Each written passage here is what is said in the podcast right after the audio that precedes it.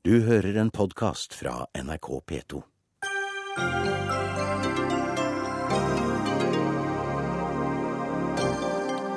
Kvinner og barn massakrert og tusener på flukt i Syria. Naivt av FN å tro at Kofi Annan kan løse konflikten ved å snakke med presidenten, mener ekspert. Vi må godta større lønnsforskjeller her i landet, mener NHO. Det vil føre til et mer urettferdig samfunn, svarer LO og 25 mennesker pågrepet etter nazidemonstrasjoner i Trondheim i helgen. Dette bør være en vekker, sier AUF-leder Eskil Pedersen.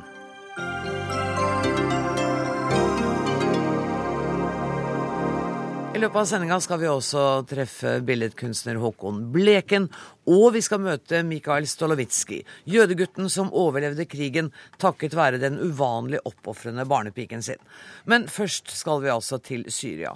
26 barn og 21 kvinner ble funnet drept i byen Homs i Syria i går. Store deler av byen ligger nå i ruiner etter at den har vært angrepet av syriske regjeringsstyrker i to måneder. Flere hundre familier er på flukt i frykt for nye massakrer. Torgeir Larsen, statssekretær i Utenriksdepartementet, hvordan reagerer norske myndigheter nå? Det som eh, kommer fram, det er eh, jeg vil si, enda mer eh, skremmende enn vi hadde fryktet. Selv om det er ikke tvil på at alle de dagene og ukene med massivt bombing mot Homs, så alle er klar over at drepte, sårede, tallene har vært, har vært høye. Men vi har tidligere, sammen med en lang rekke andre land, oppfordret at saken som sådan, når det gjelder oversendes den internasjonale strafferettsdomstolen. Vi skal ta kontakt med Sigurd Falkenberg Mikkelsen, som er vår Midtøsten-korrespondent. og Dere må ta på dere hodetelefoner, dere som er i studio. Eh, Regimet og opposisjonen skylder på hverandre for de drapene som vi fikk rapportert om i går, Sigurd. Hvem er det som lyver? Ja, Dette ser jo ut til å være en av de aller mest brutale episodene eh, i en allerede brutal konflikt. Eh, og Det begynte jo da for et år siden med fredelige demonstrasjoner mot eh, regimet. Eh, nå er det alltid vanskelig å finne sannheten i en eh, krig, og særlig når myndighetene gjør som de gjør i Syria, nemlig at de gjør alt for å eh, hindre uavhengige vitner å komme i nærheten av der konflikten foregår. De slipper jo knapt inn Røde Kors. Men nå er det altså slik at aktivistene ikke er noen sikker informasjonskilde. De har tatt feil før, og de har overdrevet. Men det at myndighetene ikke slipper inn journalister, og ikke hjelpearbeidere heller, gjør jo at jeg mener at de har bevisbyrden på sin side. Og det er jo de som står i et mistenksomt lys, lys når slike ting skjer. Spesialutsendingen for FN, Kofi Annan, sier at han er forsiktig optimist etter samtalen med den syriske presidenten. Tror du det er grunnlag for noen optimisme sånn som det ser ut nå? Nei, det gjør jeg ikke. Uh, og uh, mens Annan var i Damaskus, så begynte jo en annen offensiv lenger nord, i Idlib. Da var stridsvognene i gang igjen. Mens da Kofi Annan som spesialutsending fra FN og Den arabiske liga uh, med hovedformål å framforhandle en våpenhvile.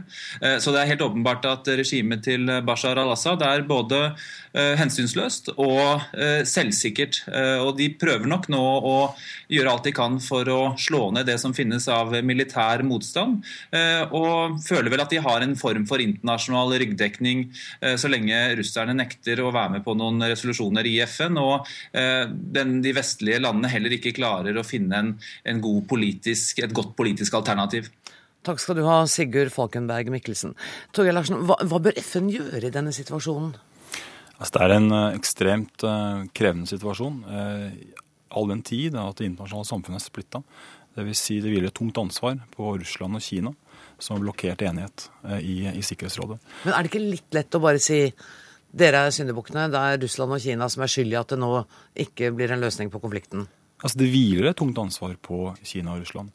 Eh, samtidig eh, så kan ikke arbeidet stoppe der. Og vi har lagt vekt på hele tiden at vi ønsker inkludering av, av, Russland og Kina i en internasjonal eh, løsning. FN eh, har på en måte sammen med Den arabiske liga, eh, som står bak mandatet til Kofi Annan, som har vært inne nå, eh, med et særlig fokus på det humanitære. Mm. Og Jeg hadde selv i dag møte her i Oslo med, med lederen for Det internasjonale Røde Kors. Og situasjonen er prekær og krevende.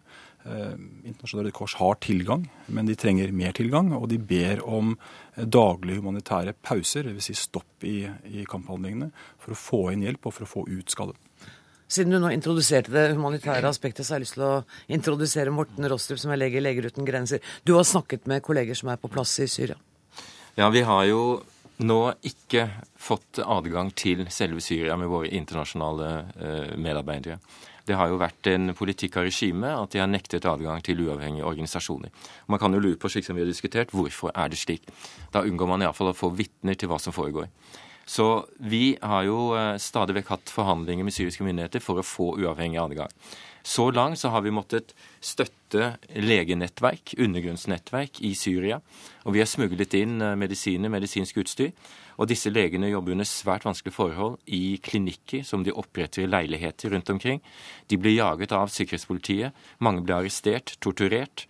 Og eh, jeg fikk nettopp nå beskjed om at Statistisk sett dødeligheten på disse klinikkene var rundt 30-40% De har ikke mulighet til å ta seg av de som blir skadet, på en skikkelig måte. Ligger det sivilbefolkning, ligger det mennesker og dør langsomt? Det er, det er mennesker, tror jeg, ut fra de rapportene vi får, som dør langsomt fordi de ikke får adgang til helsevesen. Ja, hvorfor får de ikke det? For det finnes jo sykehus der. Det finnes sykehus, men de er militarisert. Sikkerhetspolitiet er på de offisielle sykehusene. Folk som kommer dit, som blir knyttet til opprørere, de kan risikere å bli arrestert og torturert, og det har skjedd. Slik at det er nærmest umulig for dem å oppsøke helsevesenet. Og eh, i tillegg så angripes jo leger. Alle de som forsøker å behandle folk som er skadet, blir sett på som om de behandler fienden av regimet, og dermed er de fiende selv. En logikk som er helt uakseptabel. Du fortalte meg at Røde Halvmåne hadde vært inne i deler av Homs i tre kvarter? Ja, de, de, hadde jo eh, i forrige uke lenge prøvd å komme inn i Abamer, denne, denne bydelen som har vært eh, spesielt angrepet. Og når de først slipper inn, så får de være der gjennom veldig kort tid, og de fleste har flyktet unna. Og Det vi ser nå i Syria, er jo en økende mengde internt fordrevne. Og de har også problemer med å krysse grensen til andre land. Slik at den humanitære situasjonen blir verre dag for dag. Kai Kverme, du er prosjektkoordinator ved Universitetet i Oslo og følger med på situasjonen der du også. 47 kvinner og barn er funnet drept, og beskrivelsen går altså på at de har fått strupen skåret over. Dette er meldinger som kommer fra opposisjonen i Syria. Er det noen grunn til å tvile på disse meldingene? På sannhetsgehalten? Ja, altså det er vel ikke så stor grunn til å tvile på det. Altså Bildene av disse her gikk jo hele verden rundt i går, og ikke bare denne massakren her, men også andre massakrer i Idlib. Eh, fra i går kveld. Det er nok ikke det. Altså, dette er et av verdens mest brutale regimer vi har med å gjøre her. De har benyttet seg av dette før, og de bruker terror som eh, virkemiddel. Så dessverre tror jeg nok ikke det er så stor grunn til å tvile på det. Og det er jo som eh, Falkenberg Mikkelsen også var inne på her, man har fra regimets side hatt en bevisst strategi med å verken slippe inn journalister, hjelpeorganisasjoner, noe som helst annet. Og det gjør man jo selvfølgelig fordi, ikke for at man har veldig mye å skjule.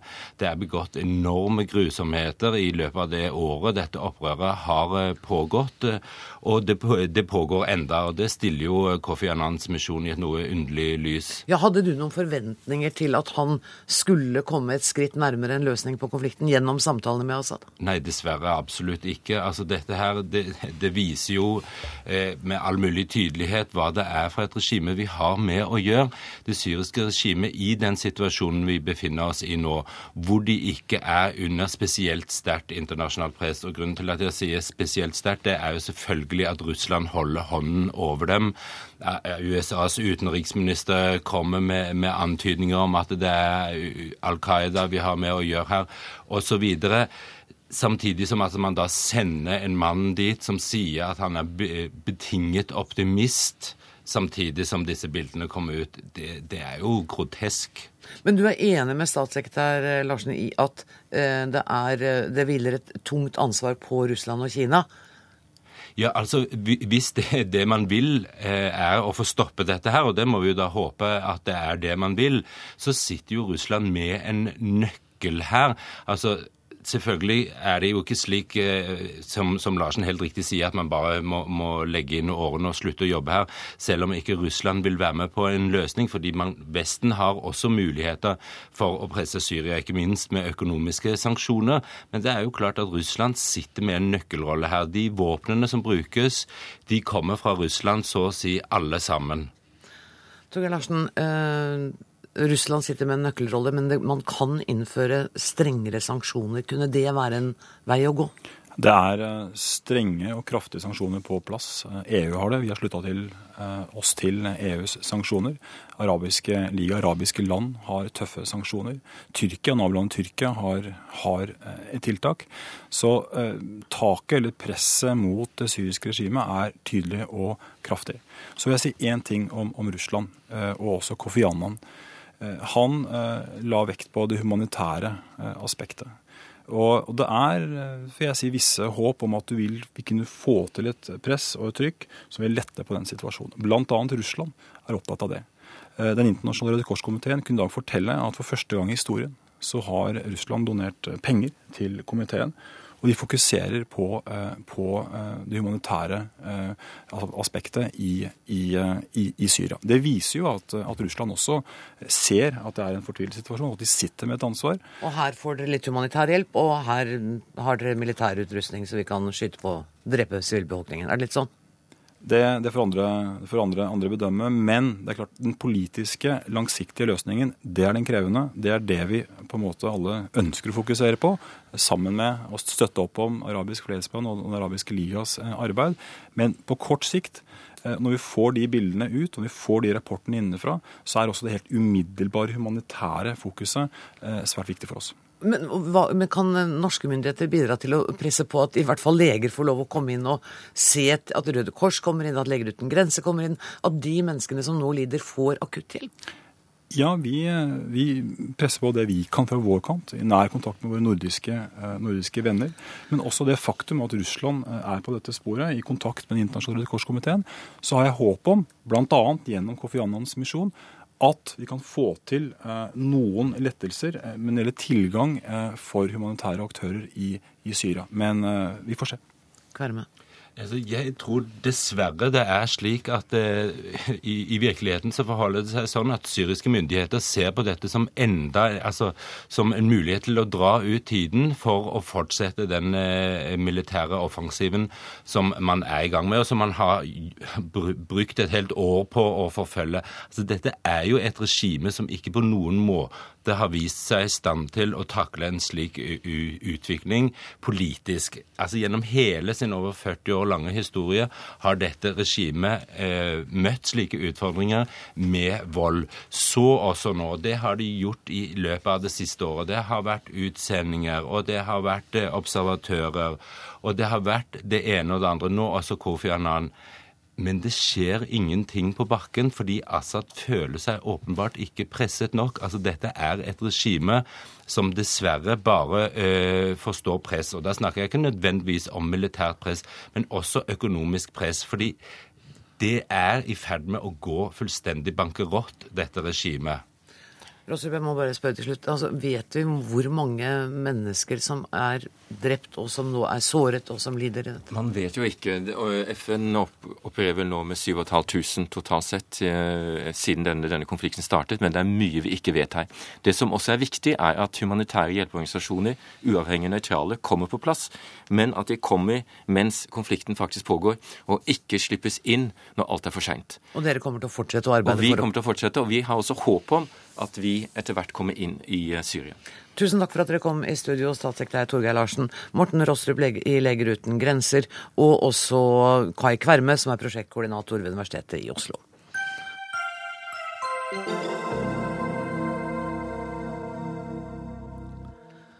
Advokater bør kroppsvisiteres før de får besøke klienter i fengsel.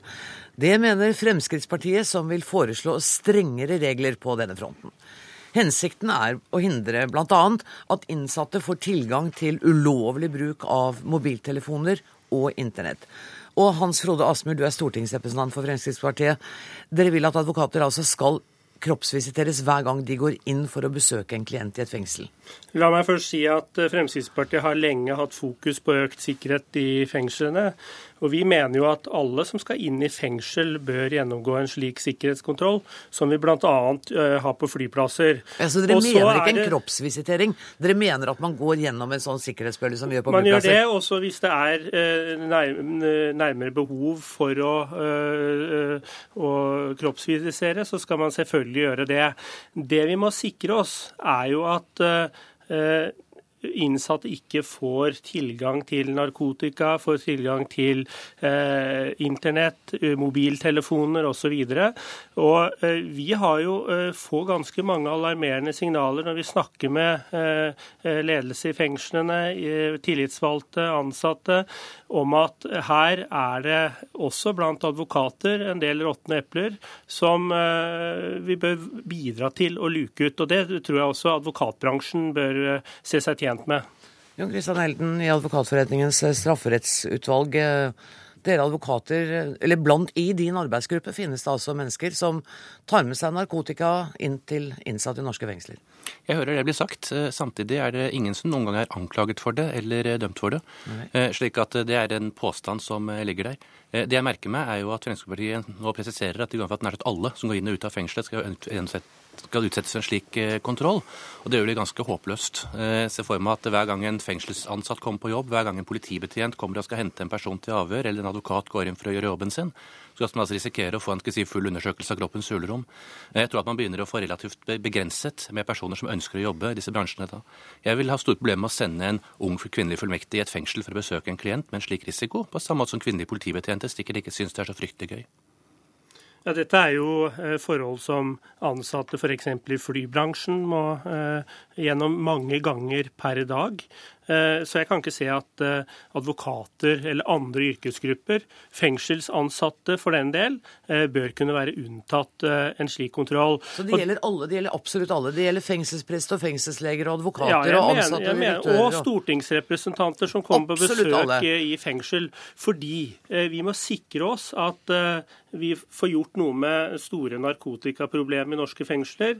Vi, må, vi vet jo det, Elden også, at eh, hos dere så er det et stort Eh, problem eh, mange steder, dette med klientkapring, hvor enkelte advokater har med tobakk, andre, andre varer som, eh, som, de innsatte er, ønsker, mobiltelefoner, andre ting, for å, for å skaffe seg klienter. Er det, dere, er det det beste markedet for å skaffe seg klienter inne i fengselet? Nei, Jeg syns det høres ut eh, som et dårlig valg i så fall. Eh, jeg tror ikke det er så veldig stor eh, utbredelse på at de har hatt mobiltelefoner f.eks.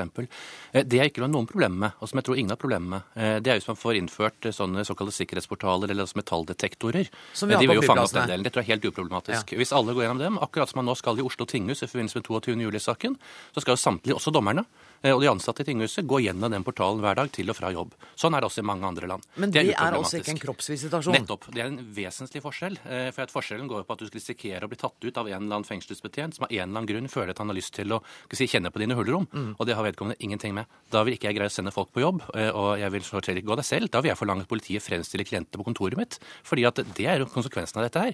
Det er ikke sånn at jeg har veldig lyst til å gå for samfunnet hvis ja, vi skulle fremstille... Jeg har veldig lyst til å gå i fengsel, for å si det sånn, men jeg må gjøre det fordi at det er, det er de som staten pålegger meg å forsvare sitter. Men, men, kunne det være en, en mellomløsning? Da sier Elden at en sånn metalldetektorportal som vi har altså på alle flyplasser f.eks., det kunne være en løsning?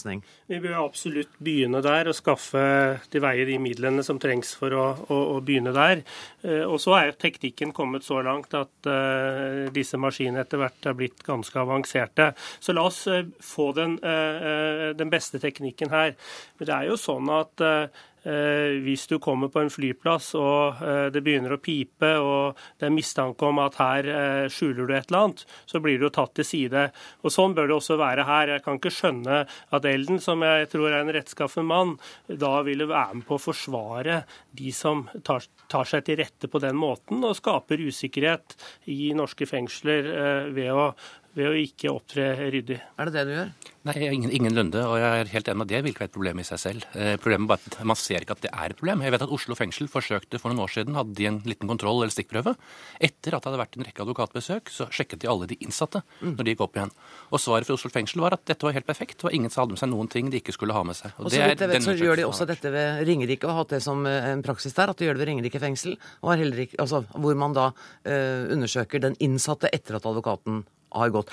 Men, det gærent. Men det viser jo at uh, der hvor man gjør den typen kontroller, så, så, vil man jo ikke ta sjansen på å, å, å, å bryte regelverket. Så, så, det viser jo bare at reg, kontrollen fungerer. Så man kunne i og for seg tenkt seg at det å kontrollere de innsatte var en like bra løsning som å kontrollere de som kommer inn? Jeg registrerer at man har gjort det der, men jeg mener jo at skal vi få bukt med dette problemet, så er vi nødt til å foreta en kontroll med de som, som kommer i fengsel. Men, er, men, tror du at det er blant de fengselsansatte, blant, fengselsprester, leger og advokater, at det, at det er der problemet ligger når det gjelder innføring av narkotika til norske fengsler?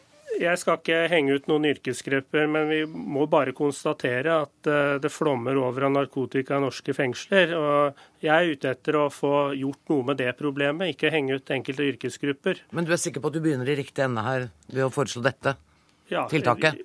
Kontroll, mer kontroll er veldig viktig i så måte. Når kommer dere til å legge fram dette forslaget? Vi jobber med et forslag nå vi, som vi vil, eh, vil fremme eh, i nær fremtid. Og Advokatforeningen kommer til å bli en av høringsinstansene.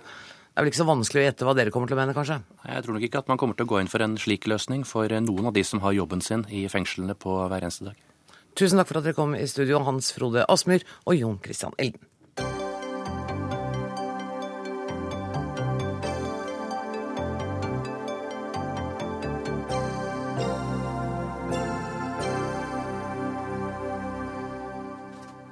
Det siste tiåret har lønnsforskjellene økt her i landet. Det viser tall fra Statistisk sentralbyrå. Dersom bedrifter skal klare å skape overskudd, så må nok lønnsforskjellene fortsette å øke. Så vidt jeg skjønner, så er det det du sier, NHO-direktør for arbeidsliv Svein Oppegård. Korriger meg hvis det er feil.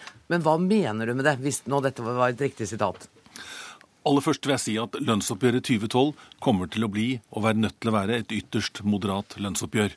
Vi kommer imidlertid samtidig til å se at det vil bli noe kanskje større lønnsforskjeller, fordi vi har stort underskudd av arbeidskraft på en rekke sektorer. Kan nevne dyktige fagarbeidere og teknisk personell, ingeniører, er det mangel på i det norske arbeidsmarkedet. Da kommer mekanismen i arbeidsmarkedet til å fungere, nemlig tilbud etterspørsel, det gjør at enkelte grupper kommer til å få en noe høyere lønnsvekst enn det som i store og det hele vil være et normalt og riktig lønnsoppgjør i 2012. Og det mener du, det må vi, sånn må det bare være, og vi må tåle det? Ja, vi er nødt til å akseptere de mekanismene som gjelder i arbeidslivet. Slik har det alltid vært, enten det er privat eller offentlig sektor der det er etterspørsel etter arbeidskraft, så virker på en måte prismekanismen. Slik er det. Men hør, det har, det har jo lenge vært mangel på eh, en del helsepersonell, f.eks. Jeg kan ikke se at de har steget så kraftig på lønnsstigen. Nei, nå representerer jo jeg NHO og privat sektor. og jo, men Du sa jo nettopp at dette gjelder både i, offentlig og privat, så hvis ja, jeg skjønte det. De mekanismene som gjelder i privat sektor, er jo først og fremst basert på hva markedet er villig til å betale og levere av arbeidskraft. I offentlig sektor så finner du også mange eksempler på at det er forskjell på arbeidskraft, og den etterspurte arbeidskraften har alltid en forhandlingssituasjon som er bedre. Sjeføkonom i LO, Stein Regaard, hvordan reagerer du på det du hører her? Nei, Hvis vi ser bort fra det som er uh, posisjonering uh, med tanke på de kommende forhandlinger, så, så, er jo vi helt uenig i at uh, et systemskifte i retning av større lønnsforskjeller, det er jo veldig uheldig. Det vil oppleves urettferdig. Og det viser seg jo også at samfunn som har for store lønnsforskjeller, fungerer dårligere. også økonomien. Men Oppegård mener jo ikke at dette er et systemskifte, så vidt jeg skjønner det. Du mener det er en konsekvens av det markedet vi har nå, f.eks. når det gjelder ingeniører, for å ta én gruppe? Dette er ikke noe nytt. Nei. Nei, Det går jo an å ta ned diskusjonen på den måten og si at uh, sånn har vi jo alltid hatt det, og det vil være litt ulik uh, innslag av ja. uh, markedsvirkninger og sånn. Så i den forstand er jo ikke dette noe å, å blåse opp. Men argumentene i debatten har jo vært at vi skal akseptere mer av det. Og det er jo et litt annet spørsmål. Da innlater man seg jo mer på et system. Og da er jo systemet i Norge sånn at vi har en ganske samordnet lønnsdannelse, som det heter. Og da må vi ha forhandlinger på et visst sentralt nivå, og da må det gis noe der hvis det systemet skal fungere. Og det har tjent oss bra. Det har gitt mindre lønnsforskjeller i, i Norge enn i mange andre land, og det har tjent totaløkonomien bra. Så det systemet bør vi satse på å bevare. Men så går det jo selvfølgelig an å diskutere hvordan utsiktene er i forskjellige bransjer og sånn, og der har jo Oppegård et poeng i at det er nå en tendens til todeling i økonomien. Eh, men eh, i de bransjene som han representerer, eller den største av dem, da, industrien, de har jo et system for å ivareta dette. Der er det jo sånn at mesteparten av lønnsutviklingen nesten alltid kommer gjennom lokale mekanismer, og ikke gjennom de sentrale oppgjørene. Så, så da er det jo ikke noe sensasjonelt i, i, dette i det hele tatt. Men det er ikke noe vi bør etterstrebe og jobbe for, at forskjellen skal bli større, for det vil bli resultatet for de bransjene som har veldig, ja, som lett henger etter. Altså, I USA tjener de lavlønte halvparten av hva de gjør hos oss, og de praktiserer det systemet. Men, men altså, Du sier at det, det, er ikke noe man bør etterstrebe, men nå har altså lønnsforskjellene blitt større ifølge Statistisk sentralbyrå i løpet av ti år.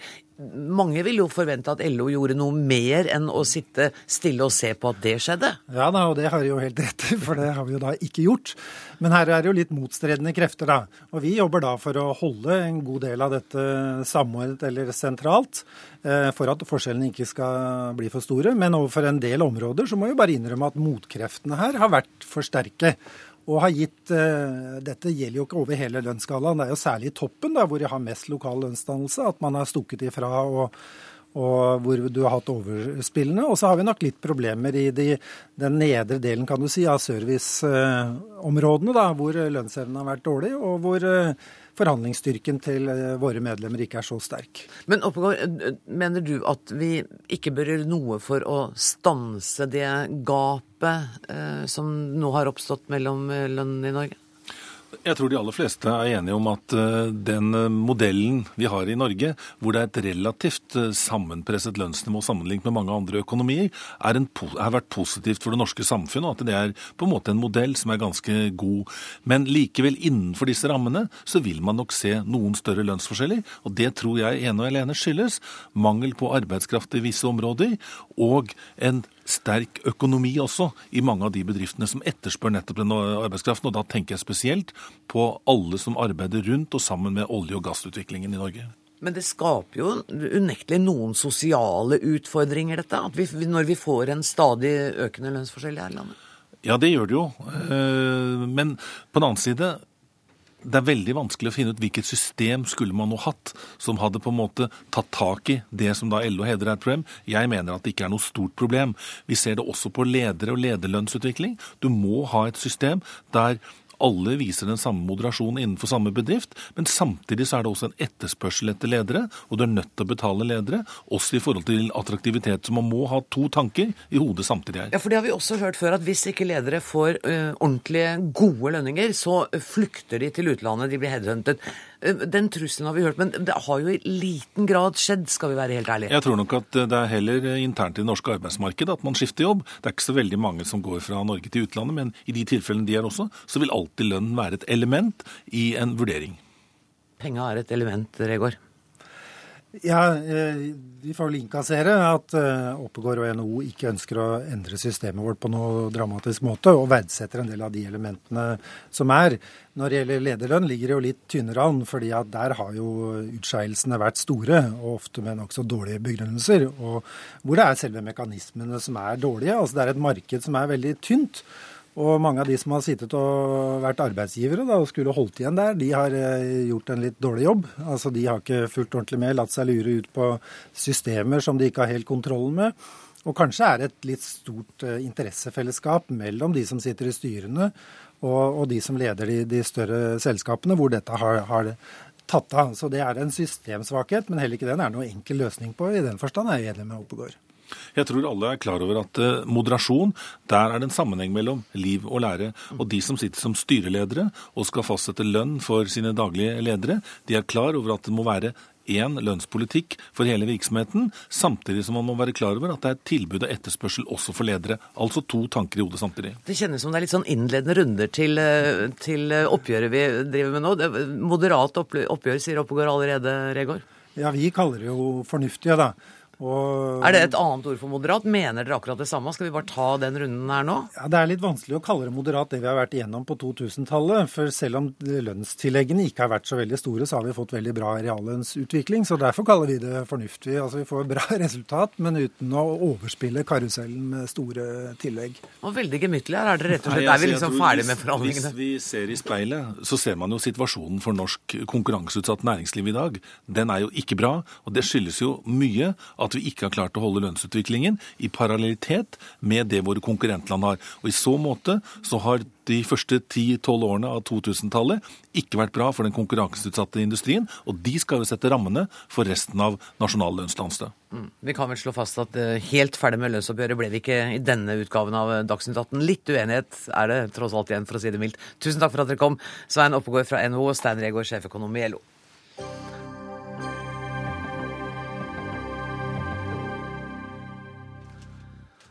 I helgen skjedde den største pågripelsen av nynazister i Norge på mange år.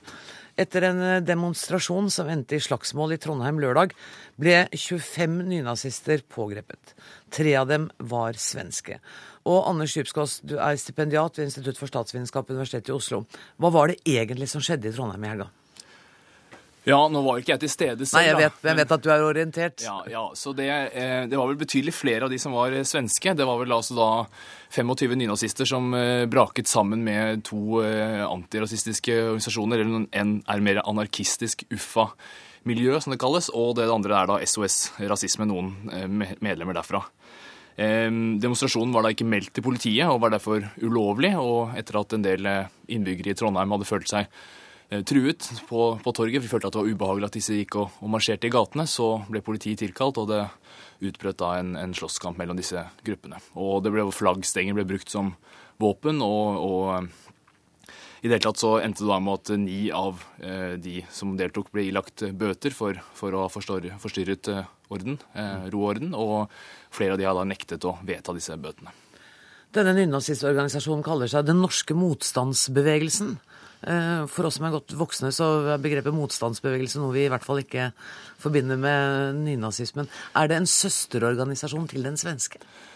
Det ser det ut som det er, og det ser også ut som det i stor grad er et slags produkt av det svenske organisasjonen. Når man går inn på nettsiden, så ser man at eh, de fleste av skribentene som skriver på nettsiden deres, som heter da Nordfront, der de er stort sett svenske, de som skriver der. Og eh, i tillegg når man også går inn på da man kan kjøpe masse propagandaeffekter, så kommer man da umiddelbart til en svensk side. Så det norske miljøet er nok veldig veldig lite, og man har, forsøker da å gi inntrykk av at man har grupperinger i alle de nordiske land. Noe som man ser ut til å være først og fremst da svenske, og til dels noen miljøer i Finland. Vet vi at det er et svært lite miljø i Norge? Ja, det faktum at de klarer å mobilisere såpass få, det er et relativt nytt eh, fenomen. Det er veldig få som har støtt på de før. Jeg ser at det er en YouTube-video som er lastet opp, som kom allerede i 2007, så det kan godt hende at det har vært noen flere personer som har vært aktive her veldig lenge. Men, eh, men at det skulle være noe stort miljø, er det, er det ingen tvil om. Altså, det er det definitivt ikke. Og det ser vi også på den aktiviteten de driver med, som først og fremst dreier seg om å klistre opp en del klistremerker rundt omkring i, i noen av de største norske byene. Og altså slåss i Trondheims gater. Eh, AUF-leder Eskil Pedersen, velkommen hit. Du sier til Klassekampen i dag at dette er en vekker. På hvilken måte da? Jeg er enig i at uh, det med all sannsynlighet er snakk om små miljøer uh, av sånne type uh, ekstreme organisasjoner og holdninger i Norge. Men vi kan ikke være likegyldige mot det. Og vi veit at sånne type holdninger og, og sånne mennesker som trekkes til disse miljøene, kan, eh, kan, eh, stå bak ganske alvorlige eh, Eller kan få ganske alvorlige konsekvenser hvis vi ikke tar det på alvor. Så jeg mener at det er viktig at vi motmobiliserer, argumenterer, er veldig tydelig på at det er små miljøer. Men at vi nå ser at en del miljøer fra andre land reiser rundt. Svenskene kommer til Norge. Mm. Men vi vet også at eh, bl.a. English Defence League, som er en ganske betydelig organisasjon i, Storbritannia, reiser til andre eh, land i Europa for å prøve å bygge opp nye miljøer. Og det må vi ta på alvor. Så vidt jeg skjønner, så mener du også at vi må ha en ny upolitisk antirasistisk organisasjon, og den blir eh, lansert i slutten av denne måneden, ikke sant? Ja, alle ungdomspartiene eh, som er representert på Stortinget, eh, har gått sammen for å danne en ny eh, partipolitisk nøytral eh, ungdomsorganisasjon som skal jobbe for å fremme kampen mot rasisme, eh, for å øke bevisstheten blant norsk ungdom om hvor viktig det er at vi hele tiden er på vakt mot sånne typer holdninger og, og, og driver på med det arbeidet i, i hverdagen. SOS Rasisme har ikke blitt drevet på en god måte. Det er medlemsjuks, økonomisk korrupsjon osv. Og, så og derfor så er det jo viktig at vi har en organisasjon som har troverdighet blant ungdom, og som kan drive det arbeidet. Så vi starter opp en sånn organisasjon nå i løpet av mars. Lisa Bjurvold, du har vært tilknyttet det svenske antirasistiske tidsskriftet Expo, og du skrev boka 'Europas skam rasister på frammarsj'. Det var en analyse av høyreekstremismens vekst i dagens Europa. Disse demonstrantene i Trondheim var altså en del av den nordiske motstandsbevegelsen. Hva vet du om den? Eh, ja, i Sverige så vet vi ju väldigt mycket om dem därför att det har länge varit den mest militanta högerextrema gruppen i Sverige och betraktas som ett hot eh, mot inrikes sikkerhet, av bland annat Säkerhetspolisen. De har då startat upp systerorganisationer, en i Norge och en i Finland. Och precis som vi hörde här tidigare så rör det sig inte om några stora organisationer än. Men det ju å andra sidan en chans tycker jag då att agera innan de växer sig såpass så pass som i Sverige. Er de militante? Ja, absolut. Alltså, det här är ju inga eh, grupper som strävar efter att till exempel få röster i val eller eh, på något sätt vara del av mainstream-samhället utan deras kamp är på gatorna. Eh, de kallar sig nationalsocialister. De är del av den här vit maktmiljön och som vi hörde här så är det en typ eh, grej som de gör då det är att attackera folk just med sina flaggor och på sina demonstrationer så är de inte ens rädda för att fysiskt attackera poliserna. Så de har ingen önskan om att inkludera i samhället. Och de har även attackerat oskyldiga personer som till exempel har eh, stått och tittat på när de har demonstrerat. Men I dag leste jeg eh, på en nettside som heter Nasjonelt motstånd, eh, hvor de skriver at Og der prøver de liksom å, å gjøre det ja, attraktivt for oss alle, hvor de skriver vi mener at det nåværende samfunn holdes sammen av penger, og at luksusforbruk eller luksuskonsumsjon korrumperer vårt folk. Setning som veldig mange av oss kunne tenke at ja, vi bruker vel for mye penger. Ja, man får komma ihåg att alla deras argument går tillbaka till judiska, alltså antisemitiska konspirationsteorier. Eh, när de till exempel pratar om att man är emot invandring och så vidare så menar de ju i bakgrunden att det är judarna som ligger bakom invandringen. Det är judarna som ligger bakom kapitalismen och så vidare. Och det ser man om man går ner i några lager på deras sajter, i deras skrifter eller lyssnar på deras tal och så vidare. Så de är mycket, mycket mer extrema än partier som Sverigedemokraterna till exempel exempel, de kommer inte från den här högerpopulistiska främlingsfientliga miljön utan från den militanta vitmaktmiljön. Anders Schibskov, kjenner du igjen eh, fra dine studier det som du hører her nå? Ja, nei, det er jo sånn at Man kan lese på denne nettsiden til denne Nordfront da, at de omtaler da samfunnet som et sionistisk finansplutokrati. Altså at det er da jødene og sionistiske bevegelser som da styrer hele verden. Og det er ikke uvanlig det, det du egentlig påpeker nå, når de, når de kritiserer denne konsumet da, og, og, og all ja. denne for, forbrukskulturen, så er det jo da typisk at de er like kritiske til kapitalismen på den ene siden som de er mot kommunismen på den andre siden.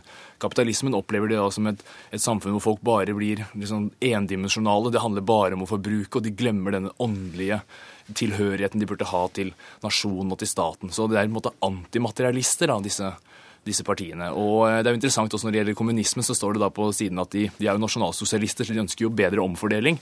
Men det står man skal være, få lov til å være litt rik. Vi er ikke kommunister heller, står det på hjemmesiden. Så de har denne slagsiden mot både da, eh, kapitalismen og kommunismen. Bjørvald, det virker, jo som, virker som om ideologien deres er litt um, Hva skal vi si litt lite konsekvent?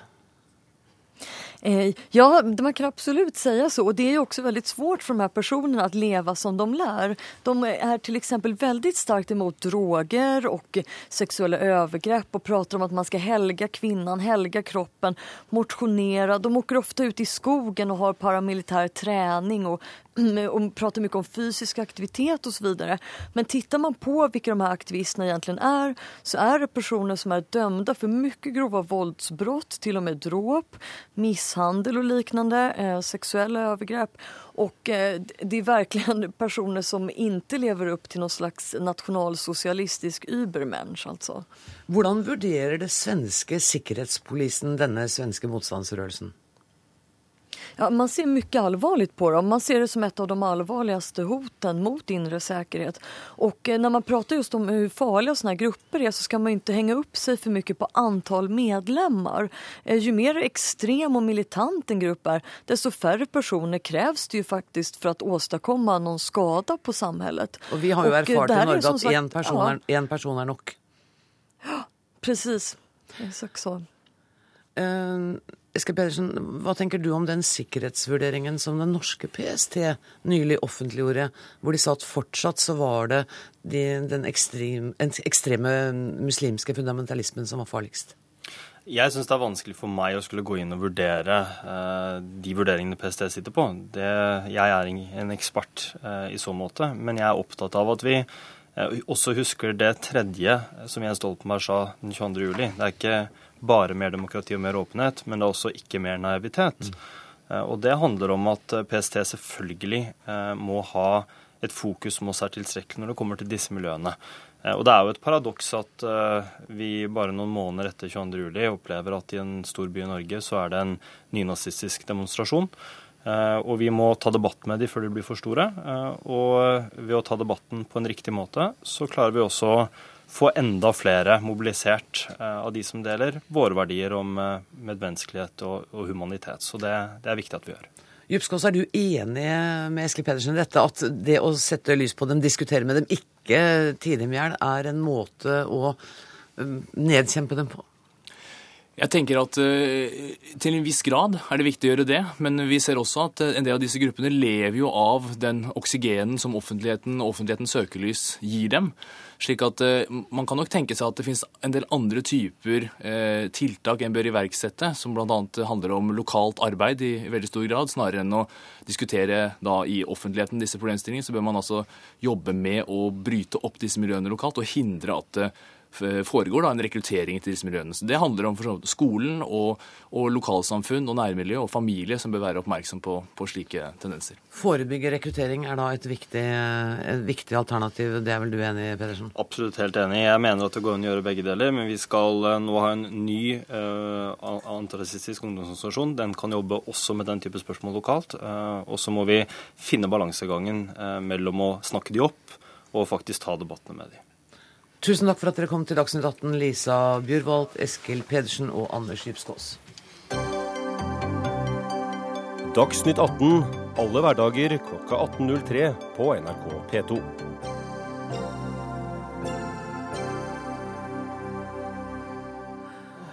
Sverg på at du vil ta vare på min lille sønn.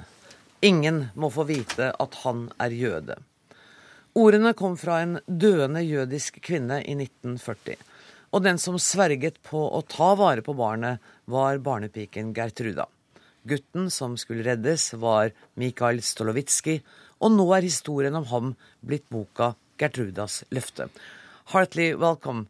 I think they call you Michael where you live now, Michael Stolovitskij. Very good. Yes, thank you.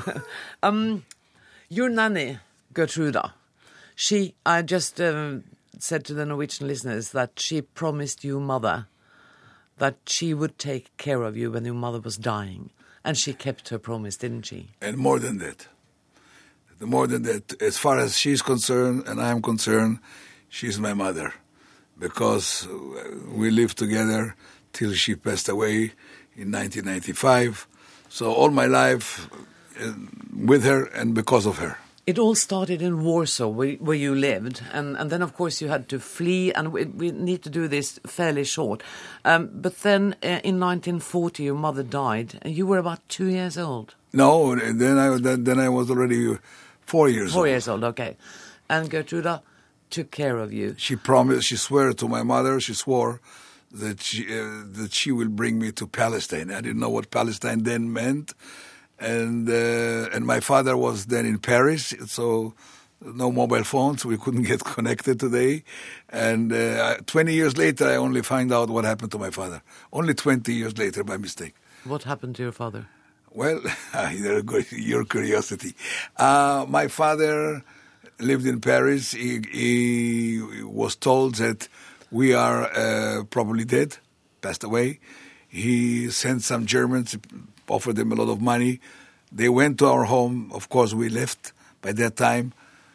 and uh, he married after he was sure that we are gone Oh, uh, an Italian woman who was wor- working in a restaurant in France, and she said, "Come to my parents." Lived in Italy. By accident, came a German patrol two months before the end of the war. He was walking on the street. They stopped him, and they were not looking for Jews because by then Jews were already finished, and they were looking for partisans. And they started to talk to him. They discovered he was Jewish. They took both of them to Auschwitz. Uh, his wife, the woman, was ill. She had red measles or something. They put her in a sick one, room. You see, the Germans, they don't kill the sick people. They make them better and then they kill them. And my father immediately shot and burned in a crematorium. And all this I found out 20 years later when a letter was written by the Minister of Finance of France to this woman. She asked money for her husband, and because they knew where I am, that I live in Israel, I was CC'd. I didn't know what it is. I went to Paris, I met her, and that's how I know the story. I need to translate a little bit. Eh, han var altså fire år da moren hans døde i 1940. Um, hans far uh, var i utlandet da dette skjedde. Han fikk vite at hans kone var død, og etter noen år giftet han seg med en italiensk kvinne. Og ble altså to måneder før krigen var over, så ble han skutt fordi at noen oppdaget at han var uh, jøde. Michael, you have to tell me, there's, you know, it's um, heartbreaking story. Did you read it? Of course I read it. God bless you.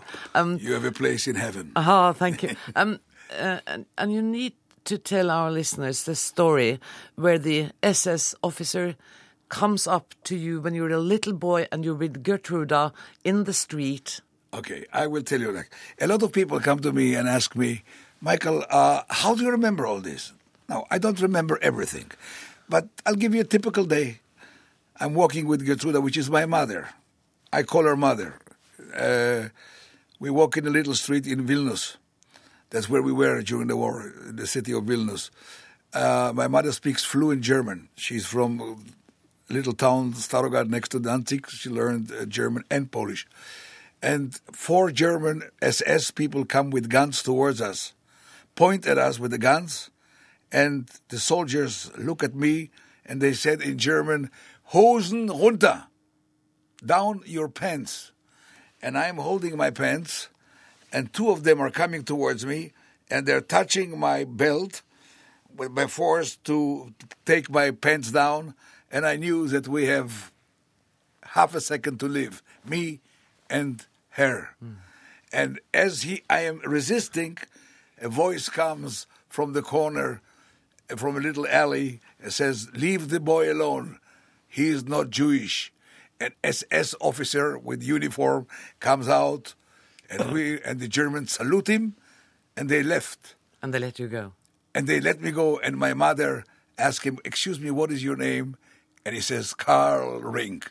The rest is in the book. Yeah, and, and you, you get to know him also in the book Oh. because actually he was married to a Jewish woman uh, and still was in the SS. I need to translate a little bit again. Um, han var altså en liten gutt, går på gaten uh, i Vilnius. De er flyktninger. Det kommer fire uh, SS-soldater og, og mistenker ham for å være jøde og ber ham kle av seg, for selvfølgelig da ville det bli avslørt at han var omskåret. Og så kommer da denne SS-offiseren og sier la gutten gå, han er ikke jødisk. Og denne SS-offiseren er det altså som boka også handler om. So you, might say that you have been blessed in your life in some ways by Karl Rink, by Gertruda, by there were kind, some kind people who helped you. and a priest in the main church Exactly, of Vilnius yes. who made me an altar boy. I was baptized, and I used to put this the the the the, the, the smoke. At, uh, when I was walking, and every Sunday, the head of the Vilna ghetto, the SS people were in the church, and as I passed next to them, I just made it very strong, the smoke towards them, and they started to cough. and I said, ha, if you only knew who is the little boy who just did it to you, you know. Uh, so yes, the father uh, helped. Yes, listen, I am, I am a, a very lucky man, and today I am, I can never repay her what she did for me. But me traveling, this book is now out in ten countries, I and it's it's spreading like hotcakes. And in Israel it sold very well, I read. Oh, in Israel it started, then in the States, in Germany, in Italy, in Denmark. Now it's coming in Poland, Spain, and of course Norway. And let me tell you, I am so well received. Today I spoke in the schools, and the excitement and the enthusiasm, and people stood there and applaud me. And and uh, listen, this is this is not another Holocaust book. There are plenty of them, and especially for the young people. This is a love story between a Christian woman and a Jewish boy. Thank you so much. Um, Michael Stolowitski sier her at dette er ikke nok en holocaust-roman, eller en bok om holocaust. Dette er rett og slett en kjærlighetshistorie mellom en liten jødisk gutt og en voksen katolsk kvinne. Thank you so much.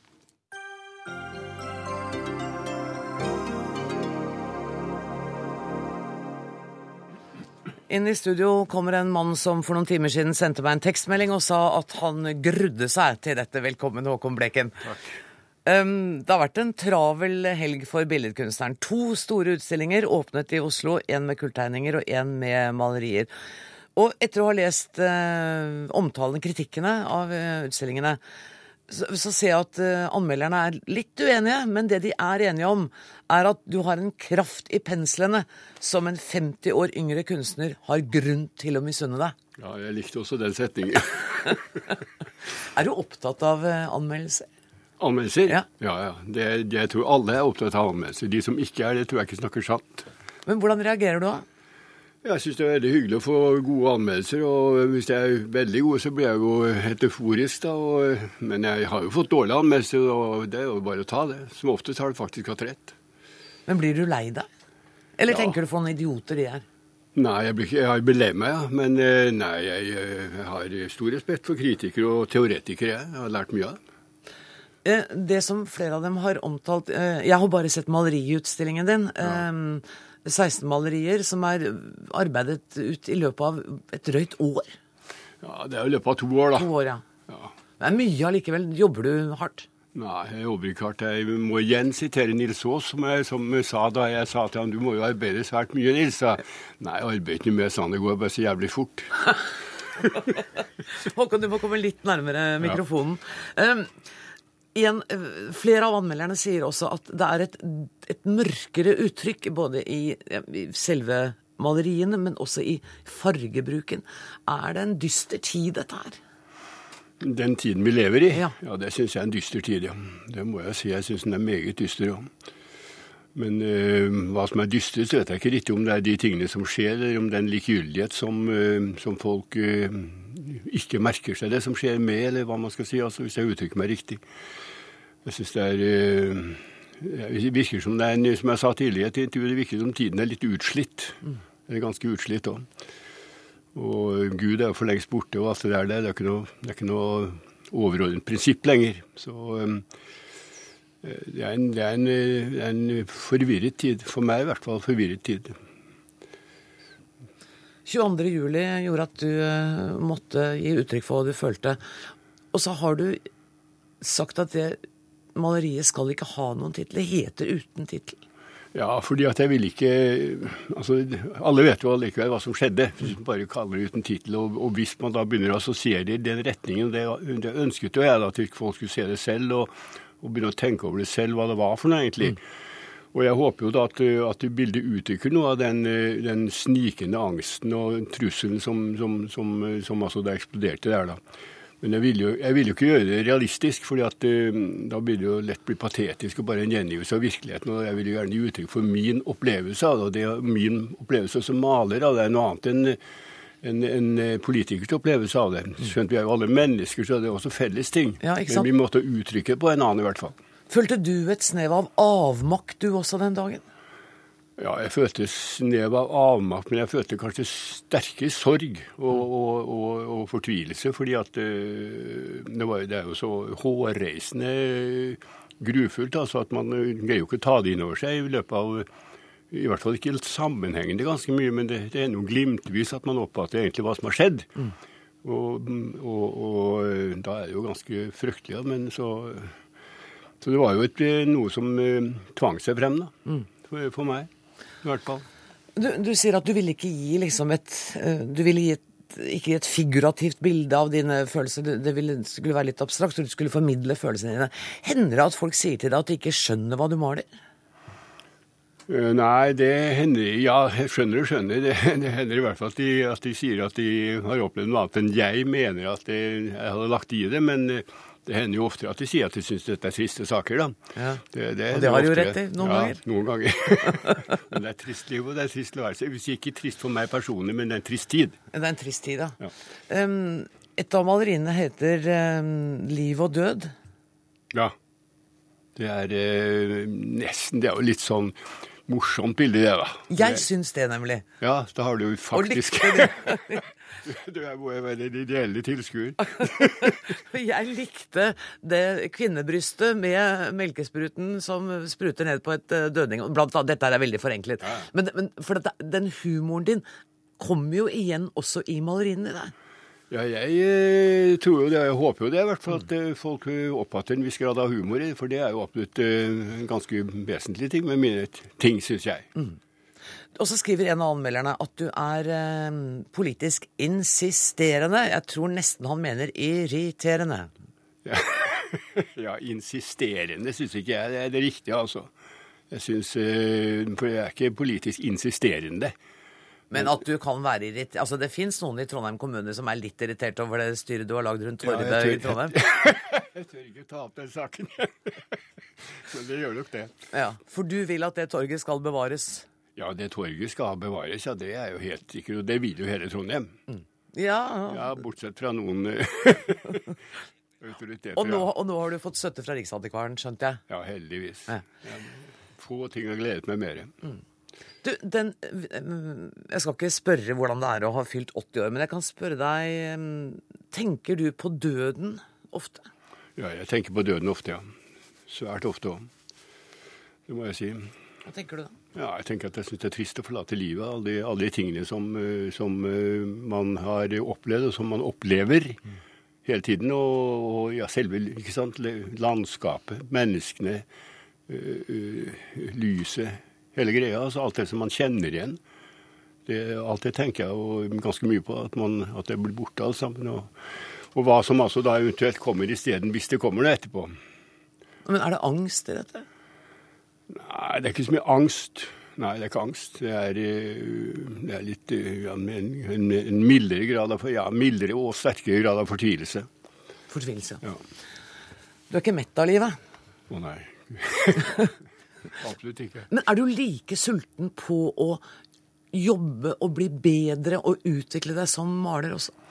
Ja, det er det. at det har, jo, det har jo vist seg at det går an å, å fortsette når man er såpass gammel som jeg er. Så, så jeg er opptatt av å male bedre bilder enn jeg gjør. Ja. Ja, det er absolutt det er klart det. Ellers er det ikke noe morsomt å leve hvis du ikke gjør det bedre. Men er du like sulten på Du sier at du er ikke trett av dag, du er ikke mett av livet. Er det, er det like gøy å gå på vernissasjer nå som det var da du debuterte? På vernissasje har det Ja. aldri vært gøy å gå. Å nei! Det er bare for oss, det. Ja, ja jeg liker ikke det. Jeg liker ikke det fordi at det er så slitsomt å si takk og takk for, de- for alle gratulasjoner osv. Nei, jeg liker ikke dette, men jeg liker alt mulig annet ved det å male. Håndverket. Håndverket. Håndverket, håndverket er Men publisiteten, det at hele kultureliten kommer når Håkon Bleken, det betyr ikke noe for deg? Nei, vel, altså, man er jo forfengelig. Det er jo, det er jo de fleste mennesker, jeg også, men eh, nei, det betyr ikke så veldig mye, nei. Og du er i hvert fall såpass forfengelig at da du hadde glemt jakka di på lørdag, så gikk du ut og kjøpte deg en ny? Ja. Riktig. Ja, Ville det vært utenkelig at eh, Håkon Bleken kom på sin egen eh, åpning av utstillingen uten eh, jakke? Nei, det ville slett ikke vært utenkelig. Hvorfor kjøpte du da jakka da? Nei, for jeg fant ut at det var, det var dumt å gå i genser bare da, fordi at man skal, vel, man skal jo sette litt pris på seg selv og på begivenheter òg, mener jeg. Og nå er maleriene på en måte overlevert til oss publikummere. Nå henger de der, nå får vi se dem. Har du allerede planer om en ny utstilling? Nei, men det hender at andre har planer om en ny utstilling for meg, dessverre. Når reiser du til Trondheim igjen, da? Ja, et par dager. Jeg må si uh, tusen takk for at du tok deg tid. Jeg vet det har vært hektisk disse dagene du har vært i Oslo. Tusen takk for at du rundet av med å komme til eh, Dagsnytt 18, Håkon Bleken. Ansvarlig for uh, sendinga i dag har vært vaktsjef Dag Dørum. Det tekniske ansvaret har Eli Kyrkjebø. Jeg heter Anne Grosvold og er på plass igjen i morgen klokka 18.00. Takk for det.